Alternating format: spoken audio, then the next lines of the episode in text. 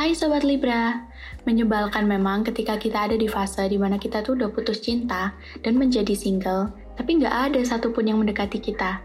Sedangkan ketika kita sedang memiliki pasangan, rasanya tuh banyak banget godaan yang datang. Ada yang bilang emang kalau udah jadi pacar orang, kadar kecakapan kita tuh bertambah. Nggak tahu deh bener apa nggak tuh.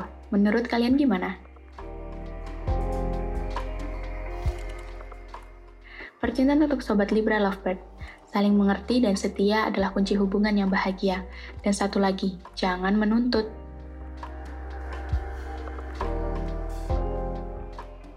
Percintaan untuk Sobat Libra yang masih single.